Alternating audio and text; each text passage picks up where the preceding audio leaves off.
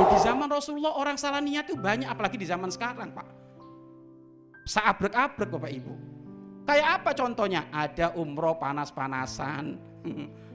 Tetangganya kemarin bareng berangkat umroh sama Buya, sedih dia. Oh, saya masa nggak berangkat umroh. Dia kan jualan bakso.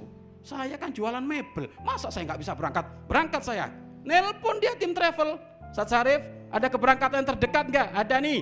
Keberangkatan dengan apa Sep? Saya daftar sekeluarga. Semangat dia. Tapi tujuannya apa? Panas-panasan sama temennya yang jualan bakso tadi.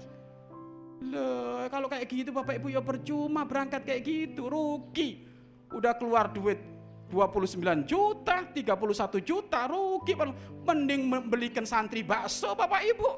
Ya kan, pahalanya nyam, nyampe daripada berangkat ke sana. Maka sehingga Bapak Ibu ada orang masuk neraka melalui Ka'bah ada orang masuk neraka melalui Masjidil Haram. Naudzubillah min dalik. Makanya sekarang ditekankan pokoknya jangan salah niat.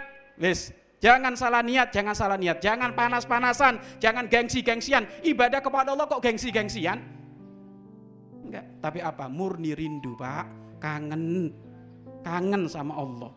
Siar terbesar ada di di dunia jagat raya ini kan Masjidil Haram. Siar besar Allah, ya yang besar di dunia ini ya Masjidil Haram, Masjid Nabawi sama e, Palestina, Masjidil Aqsa. Lo kita itu pengen sowan ke sana, pengen ziarah ke sana itu ya linusuk untuk ibadah mendekatkan diri kepada Allah, kepada Allah bukan macam-macam orang tua kami.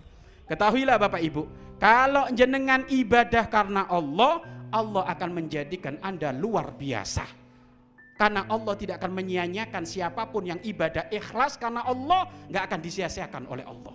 Tetapi sebaliknya, yang ibadah bukan karena Allah akan dibikin kelimpungan luar biasa kehidupannya.